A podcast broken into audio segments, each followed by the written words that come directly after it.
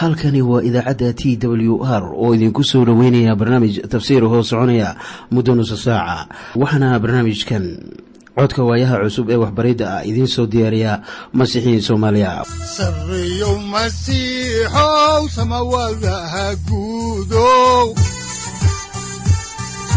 Siraadki adduunkow subanaha eebow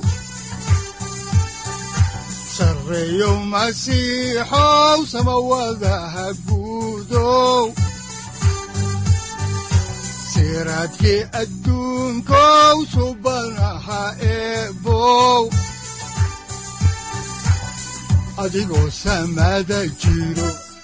soo saldhiganba adigoo jiro ifkan soo saldhiganba kutubtiisanaaye wuxunogu saaciiday sharxin sifahaaga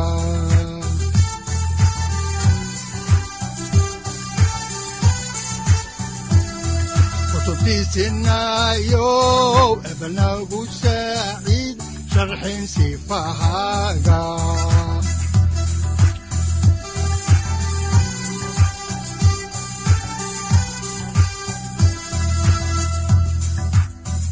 satirow ilaahow adanku su'aalne satirow ilaahow adanku su'aalne safarka kulibana ku soo dhowaada dhegaystayaal barnaamijkeenna dhammaantiinba waxaan horay u sii ambaqaadi doonnaa daraasaadkii la magac baxay baibalka dhammaantii. Waxaannu horay idinku sii wadi doonnaa kitaabkii afraad ee muuse oo loo yaqaanno tirintii waxaannu caawa idiin bilaabi doonnaa cutubka shan iyo labaatanaad oo aannu kaga gudbi doonno kan lix iyo labaatanaad. Iminkase aannu wada dhegaysanno qhasiidadan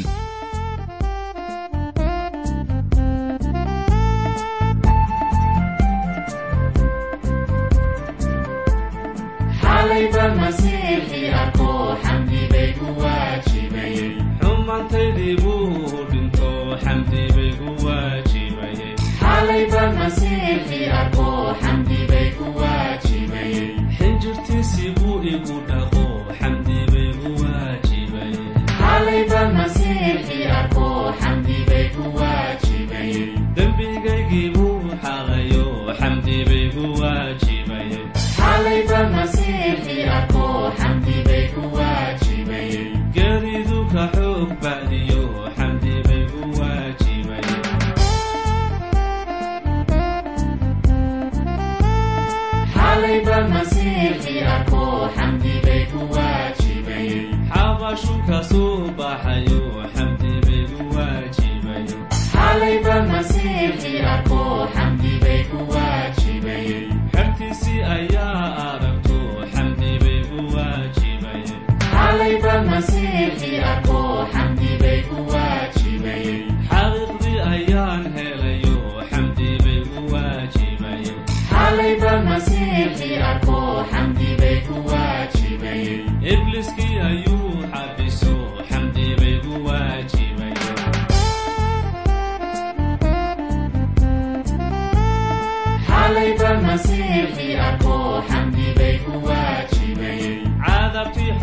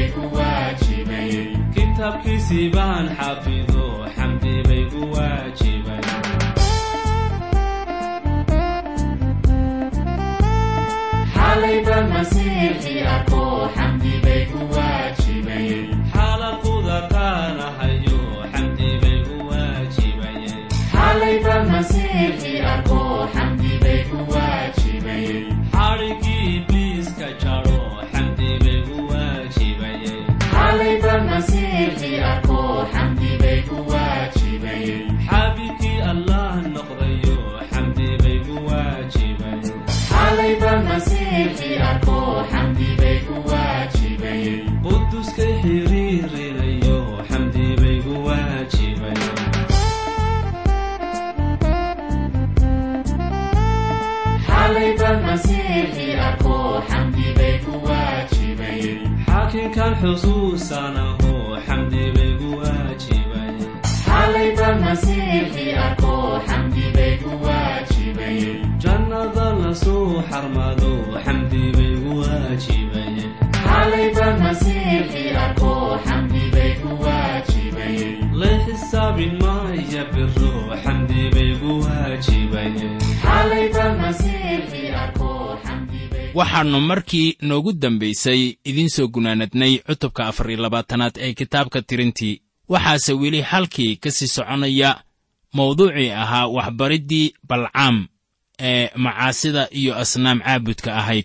Haddaba cutubkan waxaannu ku arki doonnaa waxyaabo shayddaannimo ah ee ninkan balcaam hubaashi uu sameeyey. Waxaannu soo saaraynaa hababkii balcaam sida ku qoran warqaddii labaad ee rasuul butros cutubka labaad aayadda shan iyo tobanaad taasoo tibaaxaysa in hababka balcaam uu yahay damac. Waxaan kaloo kitaabka yuudas ka akhrinaynaa khaldaadkii balcaam khaldaadkiisu waxay ahaayeen inaannu garanaynin in ilaah uu cafiyi karo dembiilayaasha isaga ku kalsoonaada waxaanse iminka eegaynaa sida ku qoran muujintii ciise masiix ee yooxanaa loo muujiyey cutubka labaad aayadda afar iyo tobanaad. Waxaana qoran sida tan laakiinse dhowr waxyaalood baan kuu haystaa. Maxaa yeelay halkaas waxaad ku haysataa kuwa xajiya waxbariddii balcaam kaas oo baray baalaaq inuu reer binu israa'iil hortooda ku tuuro dhagax lagu tarunturoodo inay cunaan waxyaalo sanamyo loo bixiyey iyo inay sinaystaan haddaba markii balcaam uu arkay inuuna habaari karin reer binu israa'iil waxay la noqotay inuu baalaaq baro sida uu u qarribi karo dadkaas. Waxaynu maqalnaa waxyaabo caynkaas oo kale ah maanta oo waxay yidhaahdaan haddaadan ka adkaan karin cadowgaaga iyaga ka mid noqo oo innaba ha ka hor imaanin. Maadaama baalaaq aannu dagaal kaga adkaan karaynin dadkan ayaa balcaam wuxuu barayaa inuu dagaal gudaha ah kaga sameeyo. Markii uu isku daro ama uu ka mid noqdo haddaan horay idinku sii wadno xigashada kitaabka tirintii cutubka shan iyo labaatanaad aayadaha kow ilaa saddex ayaa waxaa qoran sida tan. Oo reer banu israa'iilna waxay iska degeen shitiim markaasay dadkii bilaabeen inay ka dhilaystaan gabdhihii reer mo'aab waayo dadkii bay ugu yeedheen allabaryadii ilaahyadooda. Markaasay dadkii wax cuneen oo waxay u sujuudeen ilaahyadoodii oo reer banu israa'iil waxay isku dareen bacal ficoor. Markaasaa rabbiga caradiisii aad ugu kululaatay reer banu israa'iil. Miyaad haddaba arkaysaa waxa dhacaya? Balcaam ma aannu awoodin inuu inkaaro reer banu israa'iil laakiin wuxuu baalaaq u sheegay waxa uu samayn karayo waxay ahayd inay dhex galaan reer banu israa'iil oy isku daraan oo ay isguursadaan oy baraan wax ku saabsan asnaamtooda iyaga si ay kaga leexiyaan ilaahooda. Waxaan hubaa inay israa'iil ku yidhaahdeen warbadow ha noqonina oo niyaddiinnana yaanay xumaanin. Waxay u sheegeen in iyaga waa reer mo'aabe ay yihiin kuwo furfuran oo ay israa'iil ku soo dhowaynayaan oo ay wax la caabudayaan laakiin weligood waxba lama ay caabudin reer banu israa'iil. Mar waliba waxaa i xiisi geliya in kiniisadaha furfuran anigan muxaafidka ah ay doonayaan inaan u imaado oo aan iyaga ayiido. Laakiin way adkeed inay ii yimaadaan oo ay fikradahayga raacaan. Waxaase la yaab leh in niyadda dadka ay had iyo goorba ilaah dhanka tahay sababtaas daraaddeed ayaa keenta in firqooyinka diimuhu ay maal taajir ka noqdaan waayo ma raacaan shuruudda iyo qawaaniinta suuban. Wax kasta ee faa'iido ku jirta ayay samaynayaan iyagoo iska indhatiraya shuruucda iyo caddaaladda haddaanay iyaga faa'iido u ahayn. Markaasaa kuwa ilaah raacsan waxaa lagu eedaynayaa inay howlo kale oo faa'iido leh ay qabtaan taasuna waa doqonnimo. Duqii balcam ahaa wuxuu garanayay in baalaaq uu qarribi karo dadka isagoo baraya waxyaabo qaldan wuxuu markaasi soo jiidanayaa reer banu israa'iil si ay ugu soo dhowaadaan caabudista baal. Taasina waa wixii dhacay. Haddaan horay idinku sii wadno xigashada baibalka oo aan eegno tirintii cutubka shan iyo labaatanaad aayadaha afar ilaa shan waxaa qoran sida tan kolkaasaa rabbigu muuse ku yidhi dadka madaxiisa oo dhan soo qaado oo maalin cad ku deldel rabbiga hortiisa in caradii kululayd oo rabbiga ay ka soo noqoto reer banu israa'iil. Kolkaasaa muuse wuxuu xaakinnadii reer banu israa'iil ku yidhi idinka mid waliba ha dilo nimankiisa bacal ficoor isku daray waxaa laga yaabaa in qaarkiin uu yidhaahdo ciqaabtaasu waa xaddhaaf. Waa run oo waa xaddhaaf. Miyaadse garanaysaa sababta? Sababtu waxa weeye in cudurku aad iyo aad u faafayo. Waxaanay taasu dadka ka leexinaysaa ilaah oo naar baa u sugnaanaysa. Markaana ilaah wuxuu samaynayaa ficil naxariisi ay ku jirto si uu u badbaadiyo qarankan israa'iil. Haddaan horay idinku sii ambaqaadno kitaabka oo aan eegno kitaabka tirintii cutubka shan iyo labaatanaad aayadaha lix ilaa sagaal waxaa qoran sida tan. Oo bal eeg mid reer banu israa'iil ah ayaa walaalihiis ula yimid naag reer midyan ah muuse hortiisa iyo shirkii reer banu israa'iil oo dhan hortooda iyagoo ku ooyaya iriddii teendhadii shirka horteeda.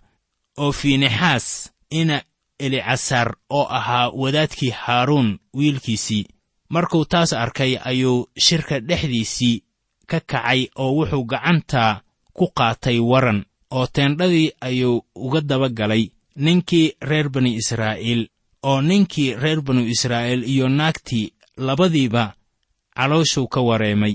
Markaasaa balaayadii laga joojiyey reer banu israa'iil oo intii balaayadii u dhimatay waxay ahaayeen afar iyo labaatan kun. Soo arki maysid taasuna waxay ahayd sida keliya ee balcaam uu ku habaari karayey israa'iil. Waana waxbariddii balcaam. Sayidkeennuna wuxuu inoogu sheegayaa kitaabka muujintii in waxbarid caynkaas ah ay soo geli doonto kiniisadda oo weliba waxay ku jirtaa kiniisaddeenna maanta. Aragtiyadu waxa weeye in cadowgu uusan waxba ku samayn karin dadka ilaah ama howlihiisa amase kiniisaddiisa waase markii uu bannaanka ka joogo. Waxaad ogaanaysaa inaan kiniisadda weligeed bannaanka waxba ka soo gaarin. Waxaa sayidkeenna uu ka leeyahay kiniisaddii bergamos sida tan ku qoran muujintii cutubka labaad aayadda afar iyo tobanaad oo leh laakiinse dhowr waxyaalood baan kuu haystaa maxaa yeelay halkaas waxaad ku haysataa kuwa xajiya waxbariddii balcaam kaas oo baray baalaakh inuu reer banu israa'iil hortooda ku tuuro dhagax lagu tarunturoodo inay cunaan waxyaalo sanamyo loo bixiyey iyo inay sinaystaan haddaba taasu waa waxbariddii balcaam. Markaan eegno taariikhda kiniisaddii hore ayaa bergamos waxay calaamad u tahay iskutagga dunida iyo kiniisadda dadku waxay u yimaadeen sidii daad oo kale. Markaasaa shayddaankuna kiniisadda uu ugu yimid bergamos markaana ma ahan silic bannaanka kaga yimid laakiin waxa weeye waxbariddii balcaam ee noqonaya dagaal gudaha ah ee kiniisadda lagu wiiqayo. Haddaba qaynuunkan weyn weli waa dhaqangal. Markaan eegno xidhiirka nolosha bini'aadanka. Haddaba markaad eegto dawladdii hore ee dalkeenna waxaad arkaysaa kuwii burburiyey inay ahaayeen dadka soomaalida ah waxaannu wada ognahay sidii ciidanka xoogga dalka soomaaliyeed uu u ilaalin jiray soohdimaha waddanka iyo weliba sidii ay u adkayd in soomaaliya la jebiyo ama laga adkaado. Laakiin maxaa dhacay oo keenay in dalka sidan uu u burburo? Waxaa keenay dagaal gudaha ah. Haddaba waddan waxaa laga burburiyaa gudaha ee ma ahan dibadda soomaaliyana waxaa laga burburiyey gudaha hoose reer rooma ama boqortooyadii rooma. Bannaanka duulaan loogama soo qaadin laakiin waxaa laga burburiyey xagga gudaha oo sidaas bay ku dhacday dawladdii reer rooma ee jirtay wakhtigii sayid ciise masiix. Miyaad weligaa garatay in sayid ciise oo laga burburiyey dhanka hoose? Ciise masiix waxaa soo gacan geliyey dadkiisa laakiin ma ahayn dawladdii roomaanka kuwii burburiyey waxaase ciise masiix soo gacan geliyey mid ka mid ah rasuulladiisii oo ka tirsan laba-iyo tobankii xertiisa ahayd.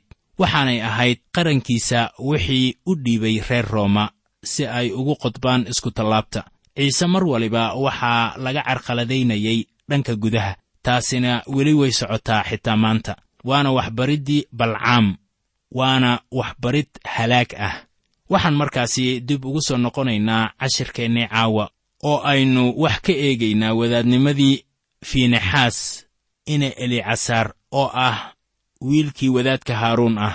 Sayidkuna wuxuu muuse u sheegayaa inuu dhibo uu laayo reer midyan. Haddaan horay idinku sii ambaqaadno kitaabka oo aan eegno cutubka shan iyo labaatanaad aayadaha toban ilaa siddeed iyo toban waxaa qoran sida tan. Kolkaasaa rabbigu muuse la hadlay oo wuxuu ku yidhi waxaa cadhadaydii reer banu israa'iil ka celiyey fiinexaas ina elicasaar oo ah wiilkii wadaadka haaruun ah waayo dhexdooda ayuu iiga qiirooday oo sidaas daraaddeed anigu qiiradaydii kuma aan baabbi'in reer banu israa'iil. Haddaba sidaas daraaddeed waxaad tidhaahdaa bal eeg anigu waxaan isaga la dhiganayaa axdigaygii nabadda oo isaga iyo farcankiisa ka dambeeyaba buu u ahaan doonaa axdiga wadaadnimo weligeed ah. Maxaa yeelay ilaah buu qiiro u qabay oo reer banu israa'iil ayuu u kafaaro guday. Haddaba ninkii reer banu israa'iil oo la dilay oo naagtii reer midyan lala dilay magaciisu wuxuu ahaa simri inasaalu oo amiir u ahaa qoladiisa reer simecoon oo naagtii reer midyan oo la dilay magaceedu wuxuu ahaa kasbi inasuur oo aabbaheed wuxuu madax u ahaa qolo ka mid ah reer midyan. Markaasaa rabbigu muuse la hadlay oo wuxuu ku yidhi reer midyan dhib oo laa iyaga waayo waxay idinku dhibeen khiyaanadooda ay idinku khiyaaneeyeen xagga xaalkii ficoor iyo xaalkii kasbi oo ahayd gabadhii amiirka reer midyan oo walaashood ahayd taasoo maalintii balaayada la dilay xaalkii ficoor aawadiis. Waxaa haddaba intaasi ku soo dhammaanaya cutubka shan iyo labaatanaad oo aynu ku lafaguraynay khiyaanadii reer midyan oo ahayd in reer banu israa'iil lagu qiyaameeyo macaasi iyo asnaam caabud. Waxaanan haatan si dawaale ah u bilaabaynaa cutubka lix iyo labaatanaad oo gebi ahaantiisba ku saabsan tirintii labaad ee reer banu israa'iil. Haddaba waxaa inta ku bilaabanaya qayb cusub oo ah kitaabkan tirintii. Qarnigan cusub ayaa waxay isku diyaarinayaan inay dhulka galaan. Inta kitaabkan ka harsan wuxuu ka hadlayaa oo keliya diyaargarowga balse aynu haatan eegno maaddadan ah tirakoobka farcankan reer banu israa'iil ee cusub. Haddaba markii aynu tirakoobkii hore ee la qaaday sannadii labaad ee socodkoodii cidlada aynu la barbardhigno kan haatan la qaadayo waa sannadii afartanaad. Intii ay cidlada ku socdeene ayaan arkaynaa in kala duwanaansho door ah ay soo baxayso. Haddaba waxaa muuqanaya inay jirto kororsiimo ku yimid qabiilada qaar iyo nusqaan ku yimid kuwo kale. Haddana waxaa ka dhinmay ilaa iyo kun iyo siddeed boqol iyo labaatan nin marka la eego tirakoobkii hore tiradooda guud ahaan waxay noqotay ilaa iyo lix boqol iyo kow kun toddoba boqol iyo soddon. Tirakoobkii horena waxay ahaayeen lix boqol iyo saddex kun shan boqol iyo konton. Waxaanaad arkaysaa inay isdhimeen ilaa iyo kun siddeed boqol iyo labaatan qofood tusaale ahaan qabiilka reer ruben wuxuu isdhimay ilaa iyo laba kun toddoba boqol iyo toddobaatan qofood haddaan markii ugu horraysay idiin akhrinno cutubkan lix iyo labaatanaad ee kitaabka tirintii kaasoo aanan soo wada xigan doonin ayaa waxaa ku qoran aayadda toddobaad sida tan. Intaasu waa qabiilooyinkii reer ruben oo intii iyaga laga tiriyey waxay ahaayeen saddex iyo afartan kun iyo toddoba boqol iyo soddon. Haddii aynu yaro jalleecno tirakoobkii la qabtay ee hore waxaad arkaysaa in la yidhi sida ku qoran tirintii cutubka koowaad aayadda kow iyo labaatanaad. Intii iyaga laga tiriyey oo ahayd qabiilka reer ruben waxay ahaayeen lix iyo afartan kun iyo shan boqol. Haddaba taasu waxay ahayd afartan sannadood ka hor markaasoo ay bilaabeen socodkoodii cidlada. Marka reer ruben loo eego reer daan ayaad ogaanaysaa in reer daan ay kordheen haddaan horay idinku sii ambaqaadno kitaabka oo aan eegno cutubka lix iyo labaatanaad aayadaha afartan iyo labo ilaa afartan iyo saddex waxaa qoran sida tan. Oo wiilashii daan iyo qabiilooyinkoodiina waa kuwan. Shuuxaam oo dhalay qabiilka reer shuuxaam. Intaasu waa qabiilooyinkii reer daan. Siday qabiilooyinkoodii ahaayeen. Oo qabiilooyinkii reer shuuxaam oo dhan intii iyaga laga tiriyey waxay ahaayeen afar iyo lixdan kun iyo afar boqol. Tirakoobkii hore waxaa qoran sida ku qoran cutubka koowaad aayadda sagaal iyo soddonaad sida tan. Intii iyaga laga tiriyey oo ahayd qabiilka reer daan waxay ahaayeen laba iyo lixdan kun iyo toddoba boqol. Marka dhanka kale laga eego waxaa u kordhay ilaa iyo kun iyo toddoba boqol oo qofood haddaba tirakoobkii labaad ee reer banu israa'iil wuxuu isdhimay tira ahaan ama ka yaraa kii hore ilaa iyo kun siddeed boqol iyo labaatan qofood. Qarnigii hore waxay ku wada baaba'een cidlada isla sida ilaah uu inoo sheegay. Haddaan eegno kitaabka tirintii cutubka afar iyo tobanaad aayadda sagaal iyo labaatanaad ayaa waxaa ku qoran sida tan. Meydadkiinnu waxay ku dhici doonaan cidladan oo kulli kuwiinna la tiriyey sidii tiradiinnu ahayd oo ah intii labaatan sannadood jirtay ama ka sii weynayd oo aniga ii gunuusay. Haddaan dib ugu soo noqonno cutubkan oo gebi ahaantiis ka hadlaya tirada guud ee faracan cusub ee reer banu israa'iil ayaan haatan idin akhrinaynaa cutubka lix iyo labaatanaad aayadaha afar iyo lixdan ilaa shan iyo lixdan. Waxaana qoran sida tan.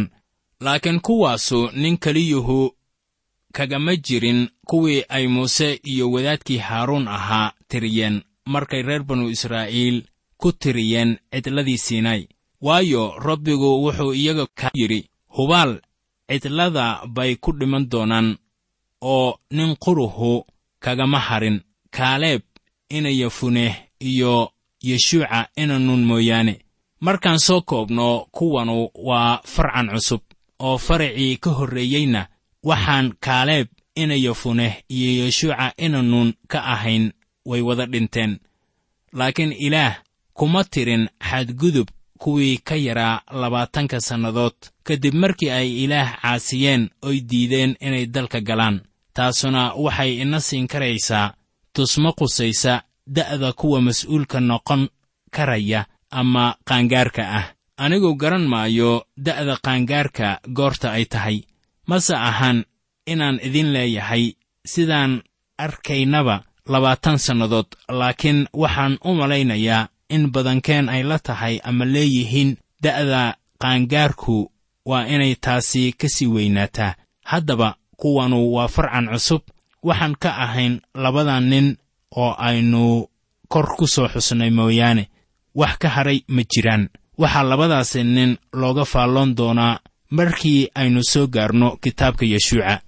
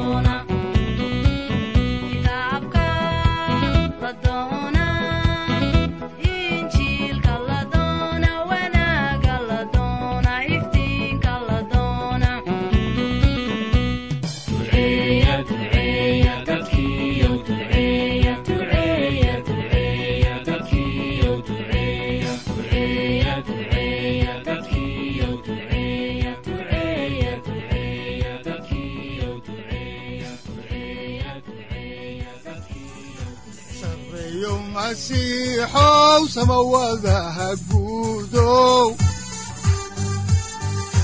siraadkii adduunkow subanaha eebow adigoo samada jiro ifkaan soo saldhiganba adigoo samada jiro ifkaan soo saldhiganba kutubtiisanaye udbanogu saaciiday halkani waa t w r idaacadda t w r oo idinku leh ilaa ha idin barakeeyo oo ha idinku anfaco wixii aad caawi ka maqasheen barnaamijka.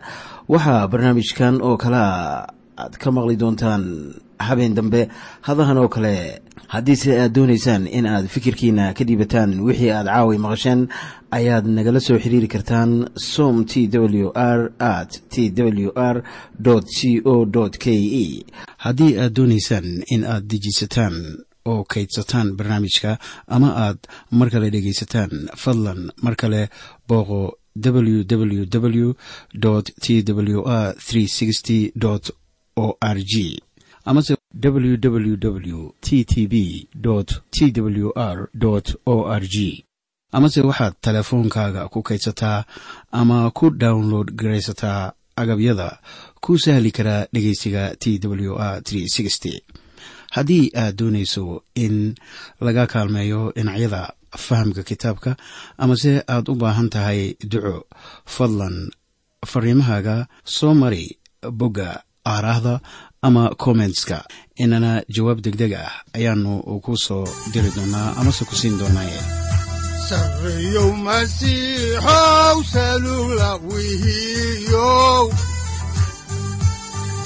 saacadda timid dhulka sabada ku dhalatiyo